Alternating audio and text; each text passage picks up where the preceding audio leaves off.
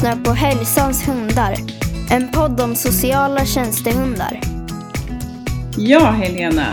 Wow! Ja, Sara. Gud vad kul vi har haft det. Ja, alltså vi har ju varit i Ullared på en, ett eh, inspirationsläger och det är ju typ eh, jag, vi, som har arrangerat det. Men jag är lika inspirerad som alla andra tror jag. Ja, det var superroligt, verkligen. Ja, sjukt kul. Och um, vi, vi ska berätta lite mer om det sen också. Men jag tänker att vi går rakt på Eva Bertilssons intervju tycker jag. Ja, det var så himla inspirerande den dagen och jag har ändå hört henne föreläsa om det här två gånger innan, så det här var tredje gången. Och sen har jag varit på lite träning och sådär, haft någon hel dag. Så jag, eh, det ger lika mycket idéer ändå. Och så himla härligt med den här, eh, alltså att ha den här infallsvinkeln som vi har med sociala tjänstehundar eh, i Mm. det hon pratar om. Att Mm. eh, vi hade den inriktningen och att deltagarna fick fundera på hur de har nytta av det här i arbetet. Men Ja. eh, hon ska väl få berätta lite först va?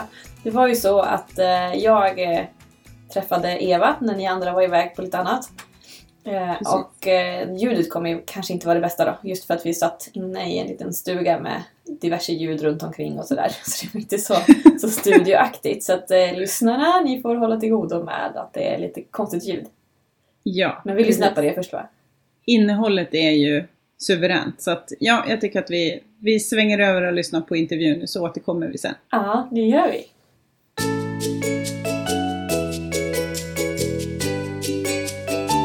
Nu kommer vår gäst. Då så, då har vi en gäst med oss här. Eh, välkommen Eva! Tusen tack! Hej! Du, istället för att jag ska prata och berätta om dig så kan väl du få berätta om dig? Så hej, vem är du? För de Ja. som inte vet. Eh, Eva Bertilsson heter jag, bor i Ljungskile på västkusten. Driver Carpe Momentum tillsammans med Emily, min kollega från Malmö. Jobbar med beteende, lärande, träning i alla dess former. Mycket med djur, och en hel del också med människor. Mm. Härligt, supernördigt. Mm. Ja, Precis som vi, om ett annat område. hur? Ja. Nördigt är fint ja, men vad spännande. Eh, du jobbar som sagt både med hund och eh, med lite med människor och beteenden och sådär. Men hur, nu har du varit här och på lägret och så har du pratat om animals in control och eh, lite så eh, frivillighet och sådär. Hur kom du in på det i allt detta? Ja. Det, det här är ju jätteroligt. Vi har, Emily och jag har tillsammans med Peggy Hogan från Kalifornien som är hästtränare fått lov att ha den här föreläsningen som vi döpte till Animals in Control på Clicker Expo de senaste tre åren. Eh, Men för min del så började det egentligen med agilityträning för 20 år sedan. På agilitybanan finns det en gungbräda. Många hundar tycker att den där gungan kan vara lite läskig. Den rör sig, den låter. Och så försöker man att vara så snäll som möjligt i träningen, dela upp det i små bitar, gunga lite i taget och så. Och det vi började göra där för 20 år sedan var kan vi låta hunden styra rörelsen och ljudet? Istället för att vi bara försöker att vara försiktiga och exponera i små doser kan vi göra det här portionsvis så att hunden faktiskt får vara den som startar. Så med gungbrädeträningen så utvecklades det till ett, oftast ett startknappsbeteende där hunden till exempel duttar neråt med näsan och då rör vi lite på gungbrädan och så får hunden godis för det. Och sen får hunden bestämma igen, när ska vi gunga nästa gång? Genom att Genom att dutta med dutta näsan. med- Ja. Och då gungar vi igen. Och så kan man, precis som i annan gradvis exponeringsträning så ökar vi successivt till större och större rörelser eller mer och mer ljud. Men att det är hunden som startar varje repetition. Ja. Det gör en himla skillnad i träningen. När, för det gör att det är lätt för mig att avgöra, är jag på lagom lätt nivå nu? Ja. Ökar jag lagom gradvis? Dels blir hunden modigare när det är den som får styra, så det har ett värde i sig självt. Och dels får jag en avstämningspunkt, att jag kan lätt bedöma är jag, på, är jag på rätt nivå här i min exponering? Har jag ökat, ökat i lagom takt? Ja, För annars om jag väljer gör för svårt så, Ja. ja. men precis, då, då, start, då trycker inte hunden på startknappen Nej, precis. ifall jag gör det för svårt. Exakt. Ja men så spännande. Jag är redan frälst. så att eh, I'm with you. Eh, och eh, jag kommer ihåg, för jag gick en kurs för dig för jättelänge sedan med min afghanhund Kerberus. Eh, som jag hade en stor grå afghan så gick vi den här från belöning till belöning. Just det. Och jag var typ helt hög efter den För att det var så roligt sätt att träna och det var så in i detalj som jag verkligen uppskattar. Eh, men alltså det här är verkligen ja, ett steg till liksom. Jätte, jätte, jättespännande och vi hoppas ju på att kunna införa det här mer i våran del. Men om du skulle förklara lite så här enkelt, vad är, alltså vad är det här? Du förklarar ju lite med agility-brädan, men finns det några mer exempel du skulle kunna ta? Alltså om vi tar det här eh, breda som när vi pratar om animals in control med kontroll och valfrihet och kommunikation och så. Så handlar ju det om hur kan vi gå från att det är jag som ger hunden signaler till vad den ska göra till att det är hunden som ger mig signaler. Ja. Att jag får nya verktyg för att lyssna på min hund. Både träna hunden till att kommunicera till mig vad den vill ha och behöver. Ja. Kanske kan tydligt tala om för mig när den är törstig eller när den vill gå ut. Ja. Men också kunna styra i träningsprocedurerna. Så om jag har tänkt att nu ska jag träna ehm, krama till exempel. Ja. Jag tänkte träna att hunden kommer nära så att jag kan krama den eller någon annan kan få lov att klappa eller krama. Att hunden då kan få styra starten på varje repetition. Just det. Och där vi pratar om startknappsbeteenden. Det blir beteenden som hunden kan använda för att starta oss, starta nästa repetition. Ja, precis. Så föraren gör någonting av att hunden har gjort någonting. Ja, För det här till vardags tänker jag att, eller jag hoppas innerligt att väldigt många lyssnar på sina hundar i alla fall i vissa beteenden. Och det gör man ju såklart för man vill inte att hunden kissar inne så då kanske man går ut med hunden om den ber om det. Eh, Jag har hundar med väldigt mycket åsikter om saker och ting. Eh, Allt möjligt verkligen och eh, som är väldigt tydliga och det är väldigt, jag tycker att det är så intressant att se och låta dem utvecklas i det. Och jag har en hund som när hon vill gå ut så liksom krackar hon på dörren, eller så här krafs, krafs, två krafs bara varje gång så på dörren. Men sen hade vi satt för kompostgaller för eh, trappan upp. Och då kan man inte knacka på kompostgallret. Vad gör man då? Jo men då knackar man på dörren bredvid.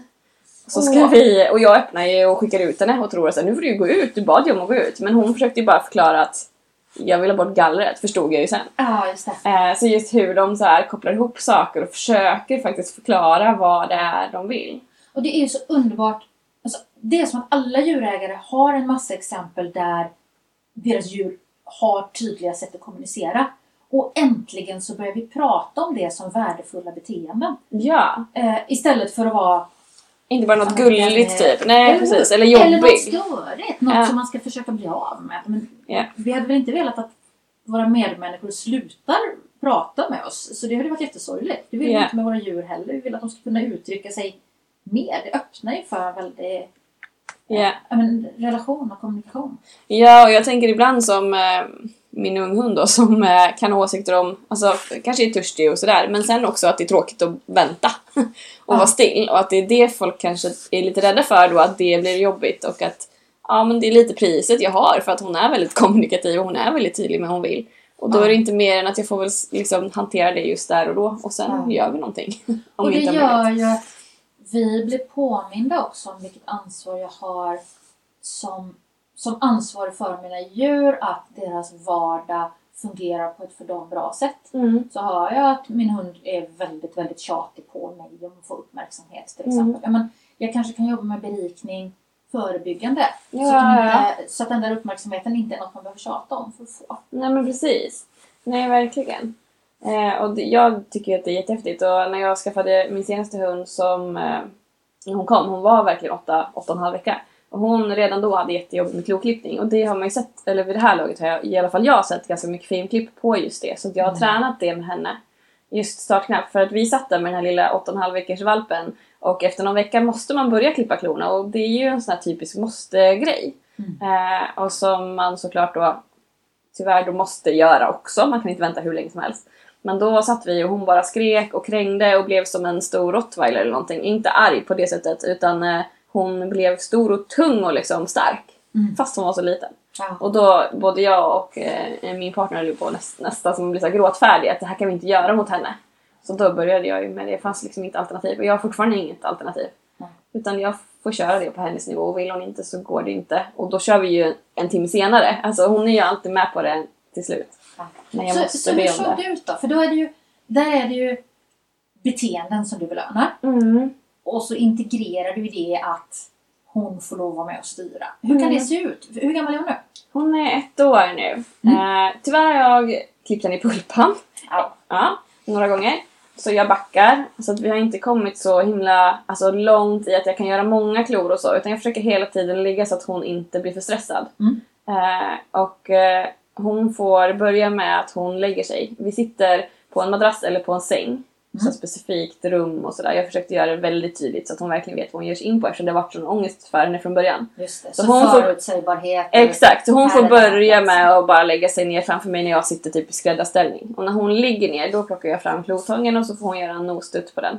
Ja. Och nosduttar hon så tar jag hennes tass och så ja, antingen då får hon belöning bara för det eller så klipper jag en klo då. Och jag ligger fortfarande och belönar upp även att jag bara håller och grejer för att hon tycker fortfarande att det är Ja. lite jobbigt. Ja. Eh, Och med att du har de här startknapparna, både när du sitter på den platsen på det sättet så har hon erfarenheter som säger att ah, nu brukar vi hålla på med kloklippning. mm. Och det brukar vara på en så lätt nivå och så mycket belöningar att det faktiskt är värt det för henne Mm. att komma in och lägga sig. När hon lägger sig nästan alltid och gör hon inte det så är det inte, jag, jag säger aldrig ligg. Alltså jag, jag har aldrig att jag säger en signal att nu ska du ligga även om hela jag utstrålar en signal att om du ligger så kommer jag ta fram klotången och så kommer du få välja då också. Ja. Så hon kan lägga sig eh, och inte ändå, alltså hon kan välja att inte starta med klotången Yes. men hon får vänta bara då eller då händer det inte så himla mycket utan då bara väntar vi. Eller- Kollar om hon vill gå något varv till och liksom Så kolla där vad som händer. Så där har du din andra startknapp. Först Ja. är det hon kommer och lägger sig, då dyker klotången upp. Ja, Och sen när klotången fin- finns framme då kan hon starta. nose-targeta på den. Mm. Och då tar du fram din hand. Ja men precis.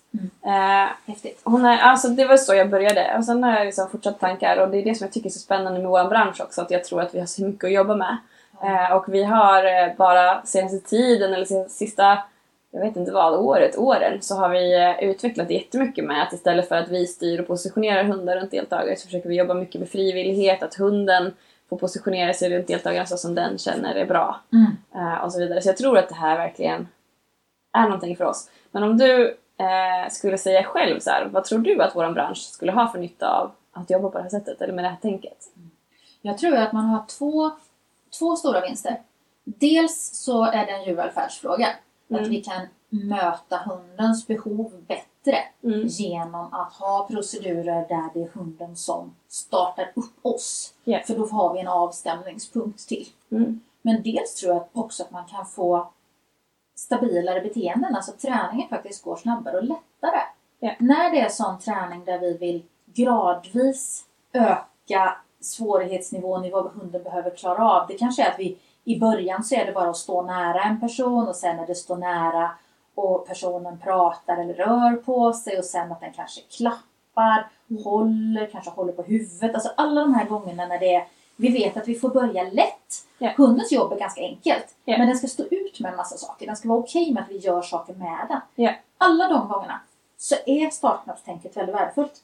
För då kan vi liksom lägga in ett element av att hunden får vara med och styra repetitionerna. Mm. Så det, så fort, det är samma. Det, jag tänker att sociala tjänstehundar har ganska många situationer som påminner lite om hantering för vardagsskötsel eller på en veterinärklinik. Ja men absolut. Jag förstår vad du menar i det. Eh, även om, precis, ja, vi lämpligen sätter i hundar så de ska inte känna samma ångest som min hade inför kloklippning Nej, till exempel.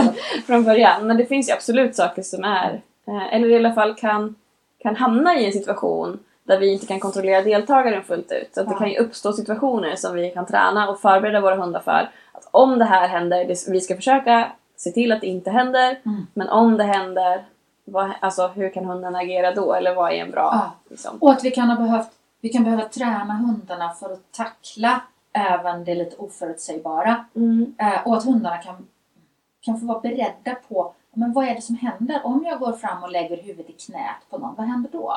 Om jag hoppar upp och lägger mig bredvid en person, vad händer då? Mm. Om jag vänder rumpan till och backar emot, ja men då klappar någon mig på rumpan. Mm. Att bygga upp den här förutsägbarheten och låta hunden vara med och styra. Och det är ju värdefullt, det är inte bara för de gångerna när det är något, något läskigt eller svårt, utan för, för alla saker som all, alla de här grejerna som kan, hända, som kan hända i miljön. Och där vi vill börja lite lätt och sen öka svårigheten lite gradvis. Mm. Alla de gångerna tänker jag då har vi, då har, vi- då har vi nytta av att tänka startknapp.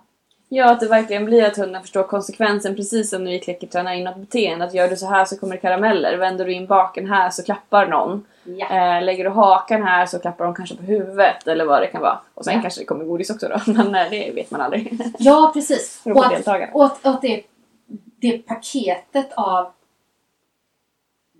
Ta exempel ställa sig bredvid för att bli klappad. Mm. Om vi, om vi gör det förutsägbart. I början så kanske vi bara tränar hunden på att ställa sig bredvid. Ställa sig bredvid så får man godis. Och sen lägger vi in, när du ställer dig bredvid, då kommer en hand på manken och sen får du godis. Och så slänger vi iväg en godis och hunden går iväg därifrån. Och då får hunden bjuda in till nästa repetition. Ja, Ja. men jag går och ställer mig här bredvid. Just det, då kommer den där handen och sen kommer godisen. Mm. För det blir förutsägbart och då kommer hunden också på ett annat sätt att börja söka upp handen. Att kom igen nu! Ja. Klappa på mig! För Ja. det ska du göra när jag står här så att jag kan få min godis. ja, just det. För annars kommer det ingen karamell. Så kom igen nu människa. Ja, precis. Just det. Så då blir det att hunden lite tjatar om, på samma sätt som hunden kommer kunna tjata om kom igen nu med flodtången. Mm. Så blir det, ja men kom igen klappa på mig nu då. Ja, jag tycker det är jättespännande och jag, jag tycker att eh, julvälfärden, jul, vad heter det? Djurvälfärden, hundarnas välfärd, är så himla viktig. Och eh, tidigt i branschen så pratar man lite om att använda hunden som redskap och vi har verkligen så försökt jobba oss bort ifrån det, att det är inga redskap, det är kollegor, det är levande individer och vi måste ta hänsyn till både deltagare och, och absolut hunden. Eh, så att jag, jag vet inte, jag tycker att det är super, super viktigt. Jag tycker att det är så spännande hur vi kan utvecklas hela tiden och att vi måste hela tiden kunna erkänna att så här gjorde vi förut men nu gör vi så här. Eh, så att vi inte så blundar för vad vi har, har gjort. Och då är det inte så att vi har alltså, begått övergrepp mot hundarna så, men just att man förut har bett dem verkligen att här ska du stå, stå här nu. Ja. Eh, och jag kommer ihåg när det var så stort, alltså precis i början av utbildningarna när vi var väldigt så här: nej men de kan inte hålla på och styra sina hundar i halsband och selar. Utan vi var så här, men vi börjar med handtarget i alla fall och, och liksom hjälper dem med det. Och att det var någonting så stort för folk att inte hålla på och knuffa runt sina hundar, eller nu, jag förstår, Ja. stöta liksom och pusha och sådär. Ja. Eh, och nu är vi här och sitter om att, eller liksom pratar om hur hundarna verkligen kan så starta beteenden Det är från vår sida. jättehärlig utveckling. Och det, jag kan känna att det blir viktigt också, kanske särskilt viktigt när vi jobbar med djur och människor. Mm. Att sättet som vi jobbar med djuren funkar som en parallell till sättet som vi jobbar med människorna. Att det blir ju en, det blir både en övning i att lyssna på andras synpunkter och önskemål. I det här fallet Mm. att vara lyhörd för djurets synpunkter och önskemål. Mm. På samma sätt som vi ska vara lyhörd för personers Ja. eh, vilja och önskemål. Ja. Så att det, det, det blir liksom Ja. en, triangelkommunikation där som, eh, som är värdefull. Ja, och verkligen. Och det där har vi så pratat om förut, att man till exempel inte ska hålla på och säga nej till hundarna. Och det pratar vi ju dels om rent, alltså som när vi håller på att klickträna på våra utbildningar. Eh, att man inte behöver liksom säga åt dem att de gör fel och sådär. Eh, men också för att när vi är ute i jobb, om vi säger så nej, nej till hunden hela tiden och vi jobbar med till exempel en dement eller någon person, eller det kan vara någon med en utvecklingsstörning eller sådär, att de kan fastna i det. Alltså de kan börja säga nej, vadå nej? Eller liksom det kan skapa oro, det Ja. kan skapa dålig stämning. Eh, så vi lägger ju lite ribban för hela interventionen. När vi kommunicerar med vår hund, tänker Ja. jag. Och det är ju ja, men det, är en, det är en bejakande, tillåtande miljö där Mm. individens initiativ och önskemål tas tillvara. Mm. Och att det blir en helhet. Det är Mm. inte bara... Ja, men det, det, det gäller inte bara någon i det här Nej, sammanhanget. precis. Det gäller alla. alla. Och det gör att Ja. det blir ett sätt att förmedla den, den atmosfären. Ja, och jag tycker att det är så viktigt att inte vara så rädd för, för vi, vi ska vi gör verkligen jobba för våra deltagare och det är de som ska ha eh, ut någonting av interventionen. Eh, men, men vi får inte vara så rädda för att hunden då skulle säga då nej eller välja bort någonting. För dels kan vi alltid göra någonting annat istället, fråga om någonting nytt. Eh, och sen är jag helt övertygad om att hundarna kommer säga ja och gör de inte det så kanske de är trötta eller inte vill just det. Men att vi då kan ha det här samtalet med deltagarna. Att, men du vet, om du ber oss gå så kommer ju vi gå. Eller, alltså man kan ha det som ett samtal, att det här med att lyssna på sig själv, sina egna tankar för deltagaren då. Ja. Hur är det när du känner att någon gör någonting eller ber om någonting som du inte vill göra och du vill bli hörd i det? Och att vi då kan använda hundens beteenden till just sådana samtal. Ja. Istället för att vara så rädda för att det kan bli jobbigt, det kan bli dålig stämning, eh, känsligt för deltagaren och sådär. Ja. Att istället tänka att här modellerar vi ett gott bemötande med Ja. hunden. Ja, Som gör att ja, men, om det, om det är tydligt att jag bemöter min hund med den respekten Ja. så är det ju sannolikt att jag kommer att be- bemöta även andra människor med den. Med, med Ja men respekt. precis. Och vi, det finns ju studier som visar att till exempel personer med autism får en ökad kommunikativ förmåga när de får träna ihop med djur eller jobba ihop med djur. Det kom någon studie jag såg senast idag på Facebook där det var om hästar. Att Ja. personer som, eh, med autism då, som eh, har eh, umgänge med hästar. Jag är inte helt säker på exakt hur umgänget såg ut, jag har inte hunnit läsa studien. Men att det verkligen främjar deras kommunikativa sidor.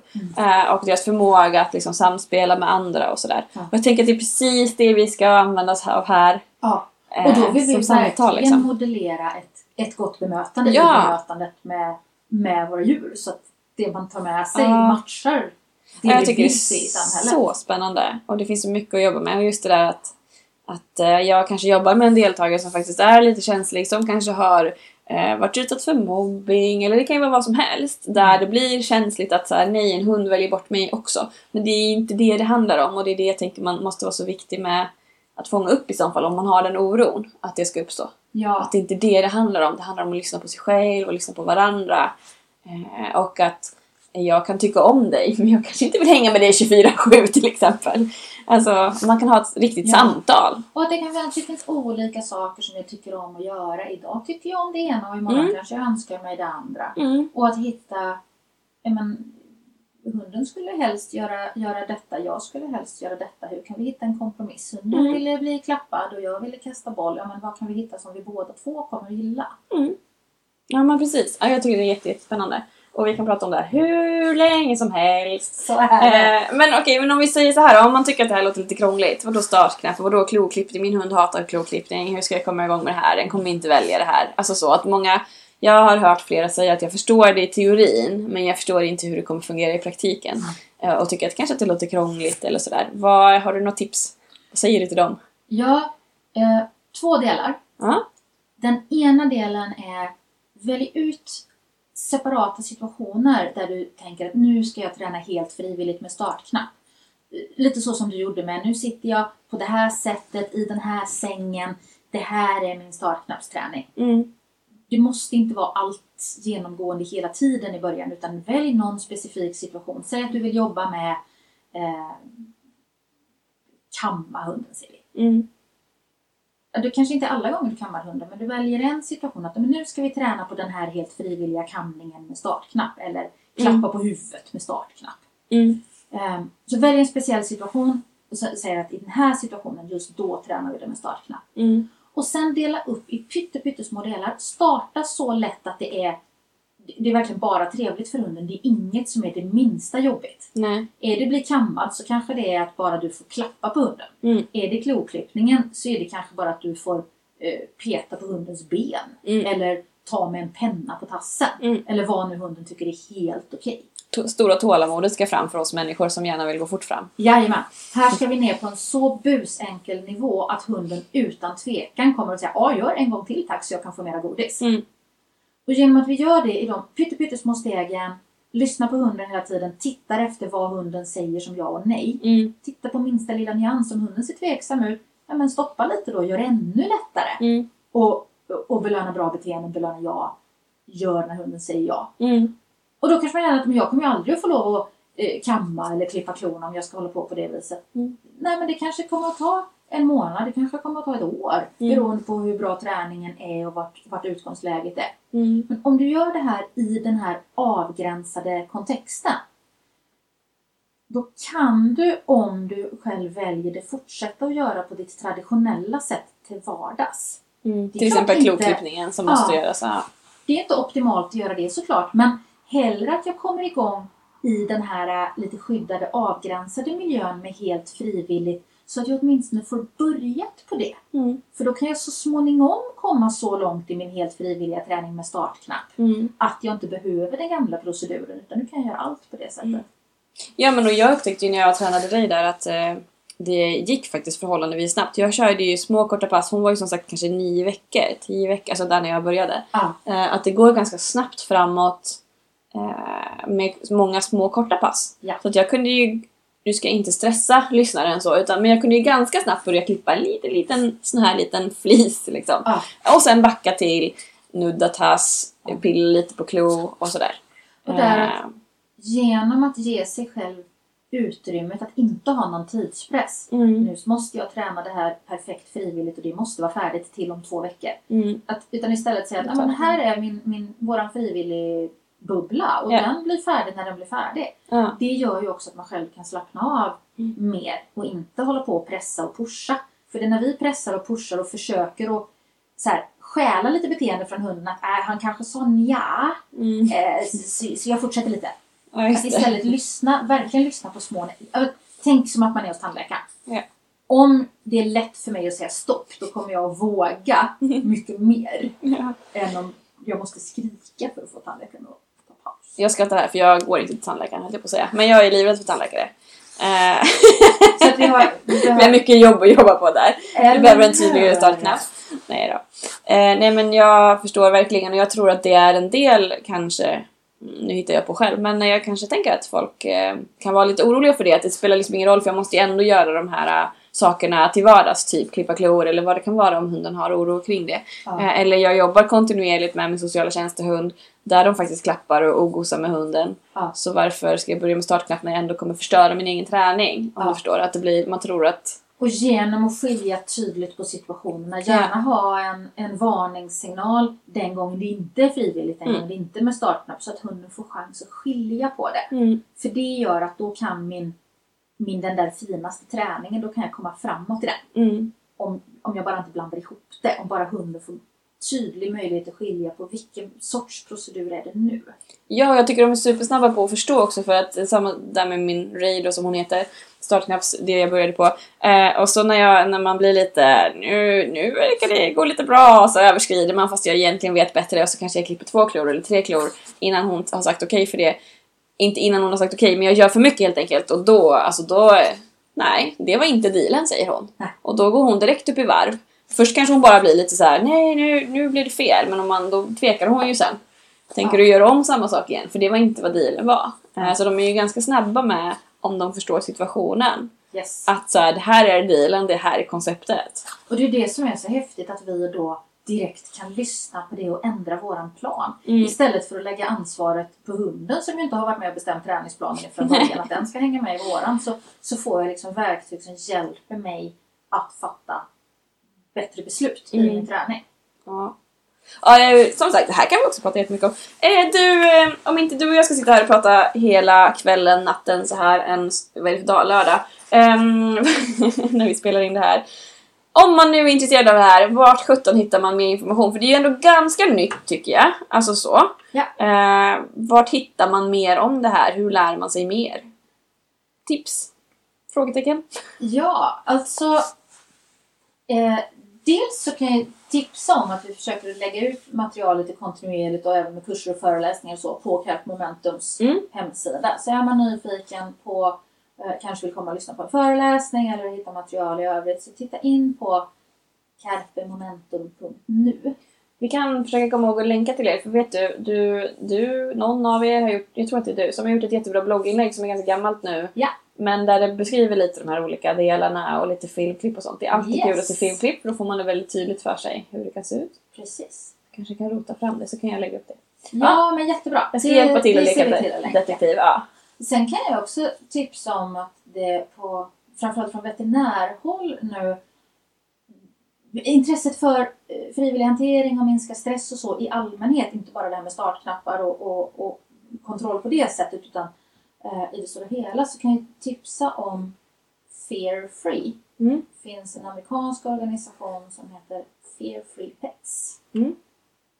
.com, Mm. Som har eh, certifieringsmaterial om man jobbar som både om man är i, på veterinärklinik eller tränare eller eh, nu har det kommit till trim och så också. Mm. Eh, det, det är ett intressant område att titta in på. Där finns en stor internationell community Mm. eh, för att arbeta med den här min- minska stress och rädsla och öka frivillighet i alla sorters hanteringssituationer. Så mer, Ja. mer generellt så kan jag, och där kan man också, letar man efter eh, eh, filmklipp på nätet så eh, lägg till Fear free. så kan man hitta ganska många klipp. Ja, och jag tänker för lyssnaren där att det är ju lite samma tänk i alla fall. Även om Ja. momenten som man utför kanske kommer vara olika. Ja. eh, Så är det ju träningsmetoderna och tänket bakom som man Ja. kan anamma. Få lite inspiration ifrån. Ja. superkul och superbra och viktigt känner jag. Ehm, då så ska vi väl säga tack och avrunda så både du och jag får åka hem härifrån Gekås Ullared. Eh, tack så jättemycket Eva för att du ställde upp och var med i vår podd. Ja, tusen tack Helena! Tack, hej!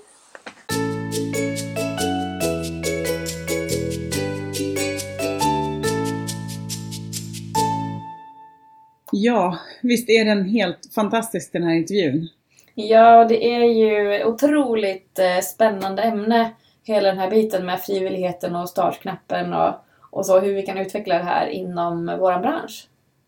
Ja, eh, jag tyckte ju liksom från början så tänkte jag så här, fasen vad flummigt det här är. Mm. Eh, Jag får inte liksom inget bra grepp om det och, och hur kan det här... Jag är nyfiken på alla sätt att, träna på och eh, men det här binder ihop så himla starkt egentligen det som vi var nere i Amsterdam och gjorde och pratade om just sustainable dogs och hållbara hundar och att eh, hundarna ska, ska jobba på sina egna villkor för att också vilja vara med på jobbet. Mm. Eh, och jag tycker att det här är, ända sedan jag kom hem från Amsterdam och även nu efter den här helgen så känner jag att jag har ännu större respekt för de här fyrfotade vännerna som man har med sig hela tiden och som bara liksom vill samspela med oss. Mm. Det är fantastiskt alltså. Ja, och att eh, man kan tycka att man är bra på att lyssna på sin hund och så hittar man ännu fler grejer och ännu fler detaljer och det här kan man bli bättre på. Det finns så mycket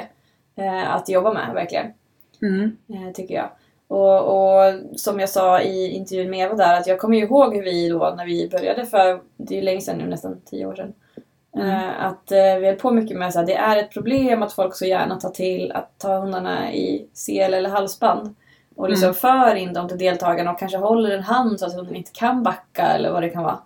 Eh, och Mm. vi då höll på så här, "Men hur får vi bort det här? Alltså, vi ville inte ha det.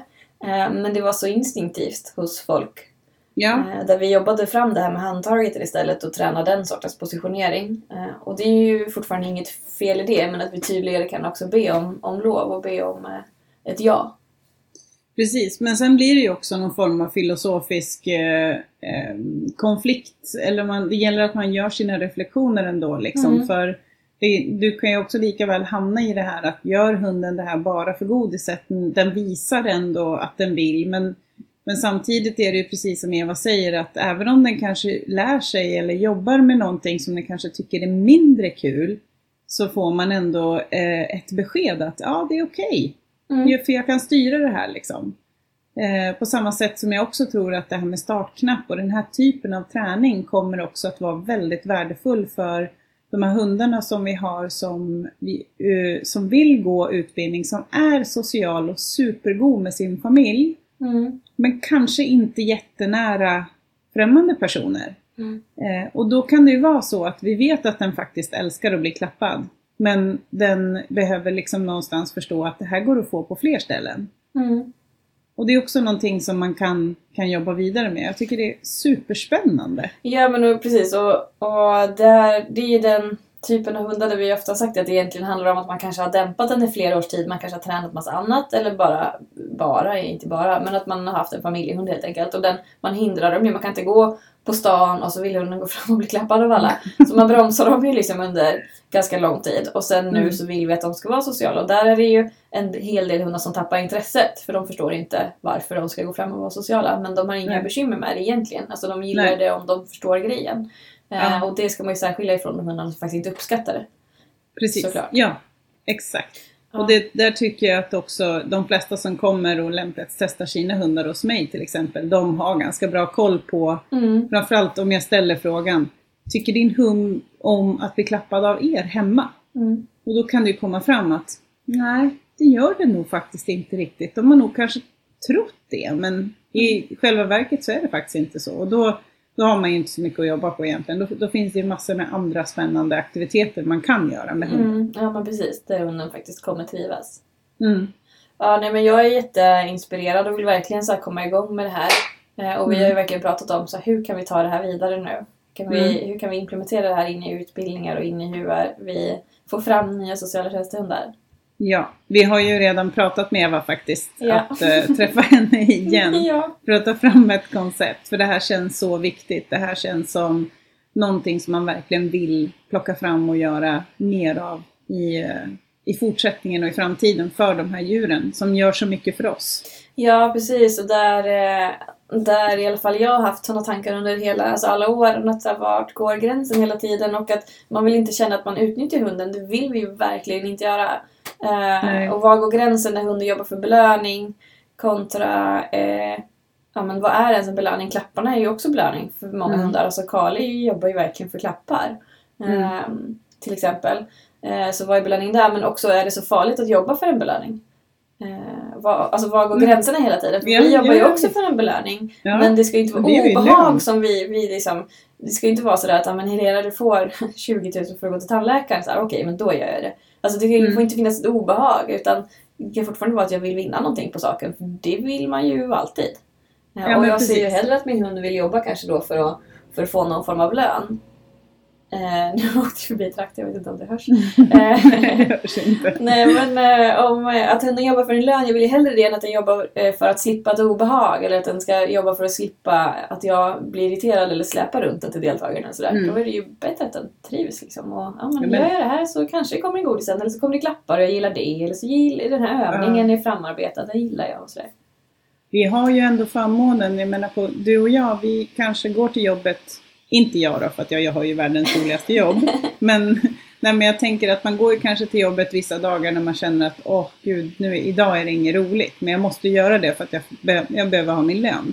Medan vi har faktiskt förmånen att hjälpa hundarna i, i de här fallen för att de behöver inte jobba för någon lön. Nej. De är ju med oss liksom. Och de är med oss på våra villkor och därför så är det också respektlöst tycker jag att inte tänka på det här sättet. Och vi har ju dessutom ett norskt hundteam som är som har börjat jobba med det här. Mm. Som jag tycker ska bli jättespännande att höra för jag är helt övertygad om att Ane-Britt som hon heter som jobbar med sina tre vippetar Mm. hon har åkt direkt hem för att göra en träningsplan för hur hon kan fortsätta jobba med andra beteenden också. Så det ska bli jättekul att få höra och få följa henne och se hur, hur hon har, har jobbat vidare. I, I bästa fall kanske vi till och med lyckas få någon film på när hon jobbar med, med åtminstone Flint som är den hunden hon har jobbat mest med med startklapp. Ja men precis och jag berättade ju för Eva där att jag har jobbat lite med det men för kloklippningen då just för att det varit ett problem och det fanns ingen annan väg att gå. Och det var Nej. kanske positivt då för då var jag tvungen att ta itu med det och testa och inse att det funkar. Eh, Så det är ju också en sån lärdom för mig att jag blir förstärkt i att nej men det här funkar faktiskt. Och nu har jag börjat lite med, med min häst också att eh, han ska få säga ja till att bli, eh, få som flugspray under magen. Eh, Ah. För just under magen har han liksom tyckt att det, det han visar att det är obehagligt. Kroppen, övre kroppen går bra. Eh, Så det har jag Mm. börjat med nu. Mm. Eh, att det finns många, många, många sätt att använda det här på. Mm. Eh, Men ja, det kanske vi kan eh, lägga upp faktiskt. Kanske när jag började Ja. med dig när hon var liten valp. Det klippet har Mm. jag, det finns online någonstans. Men vi kanske kan lägga upp det i vår grupp också så får man se hur det var. Och det är ju som Ja. sagt en annan typ av hantering. Men som Eva sa så finns det ju paralleller med den hantering vi har i vårt arbete. Mm. Verkligen. Även om grundobehaget inte finns där. Så som det fanns kring kloklippning för dig då. Nej men precis, exakt. Men du, vi har ju också en utmaning även i detta avsnitt. Ja, ska vi köra den eller? Ja, det tycker jag.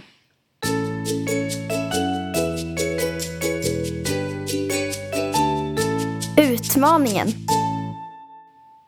Vad har vi på lager nu då?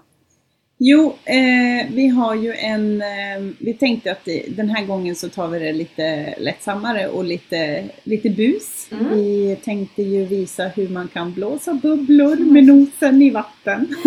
Ja, och där kan ju, det kräver ju inga förkunskaper så. Eh, utan eh, vi visar hur man lär in det. Eh, det kan ju såklart finnas vissa hundar som verkligen inte vill göra det här för att det är vatten och det kan vara lite läskigt.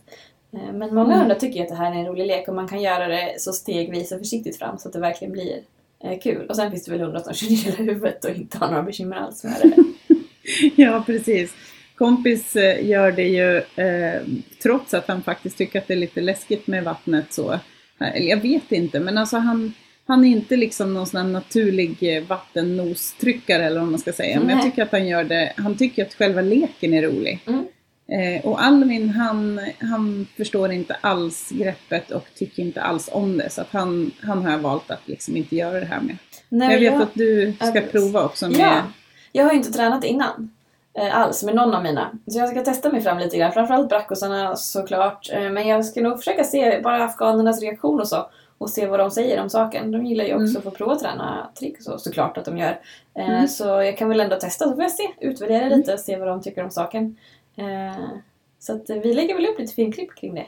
Ja men det tycker jag. Och jag vet att det här kommer jag också utveckla lite för att eh, det kan vara rätt fiffigt att man har en hund som dricker på signal. Mm. Eh, just eftersom dels är det en bra övning att göra i, när man jobbar med, med deltagare att hälla upp vatten och ge vatten. Och då kan det vara bra om de slickar i sig två, Ja. två tungor vatten. Ja, det ska liksom så. inte vara att de måste dricka en massa när de egentligen är törstiga utan bara att de deltagare får förstärkning för att den precis har utfört någonting. Ja, precis. Och det här, det här kan man ju utveckla liksom. Om man då inte vill ha bubblor så kan man ju, kan man ju liksom använda den åt det hållet också. För det vet jag att jag gjorde med, eh, med en annan hund bara för att eh, han, eh, han drack inte när vi jobbade. Nej.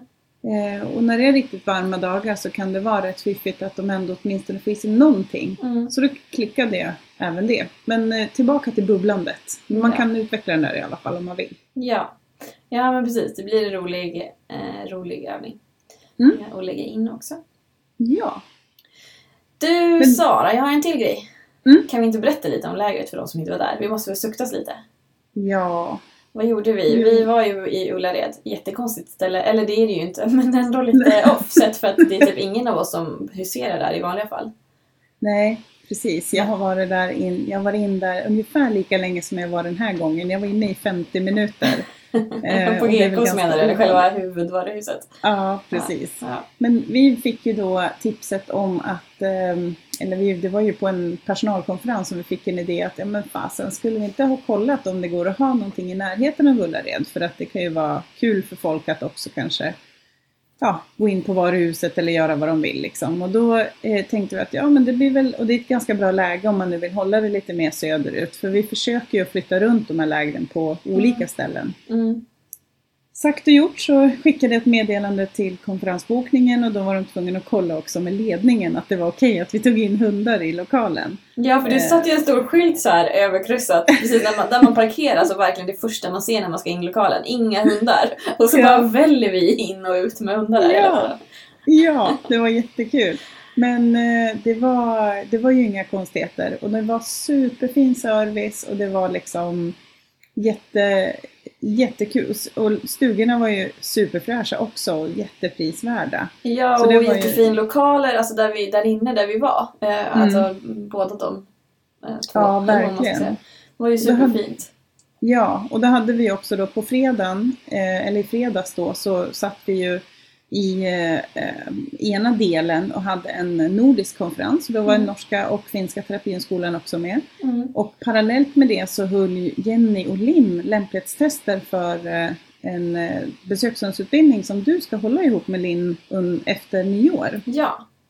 Och eh, sen på lördagen så hade vi Eva Bertilsson som jobbade då med att lära oss om eh, Animals in Control och startknapp och så. Mm. Eh, och sen på söndagen så hade vi någonting som vi kallar för kunskapsbank.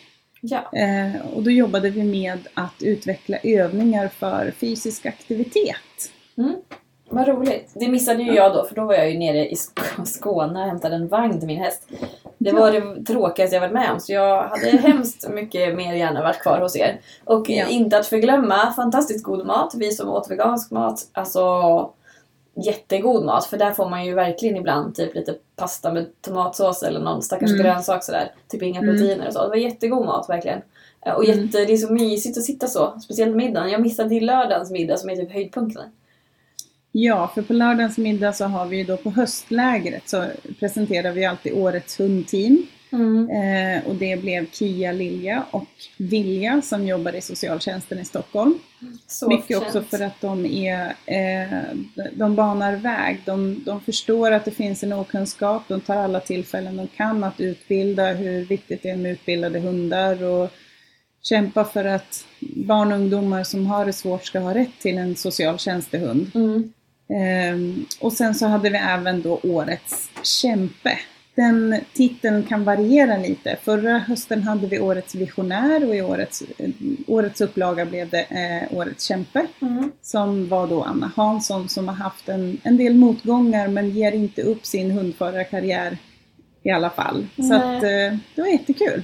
Ja, och det är så, alltså det är verkligen mysigt där när alla sitter tillsammans. Alltså, och vi är så blandade och det är eh, alltså folk som har jobbat väldigt länge, ganska nyexade eller under utbildning. Eh, och sen då hela personalen.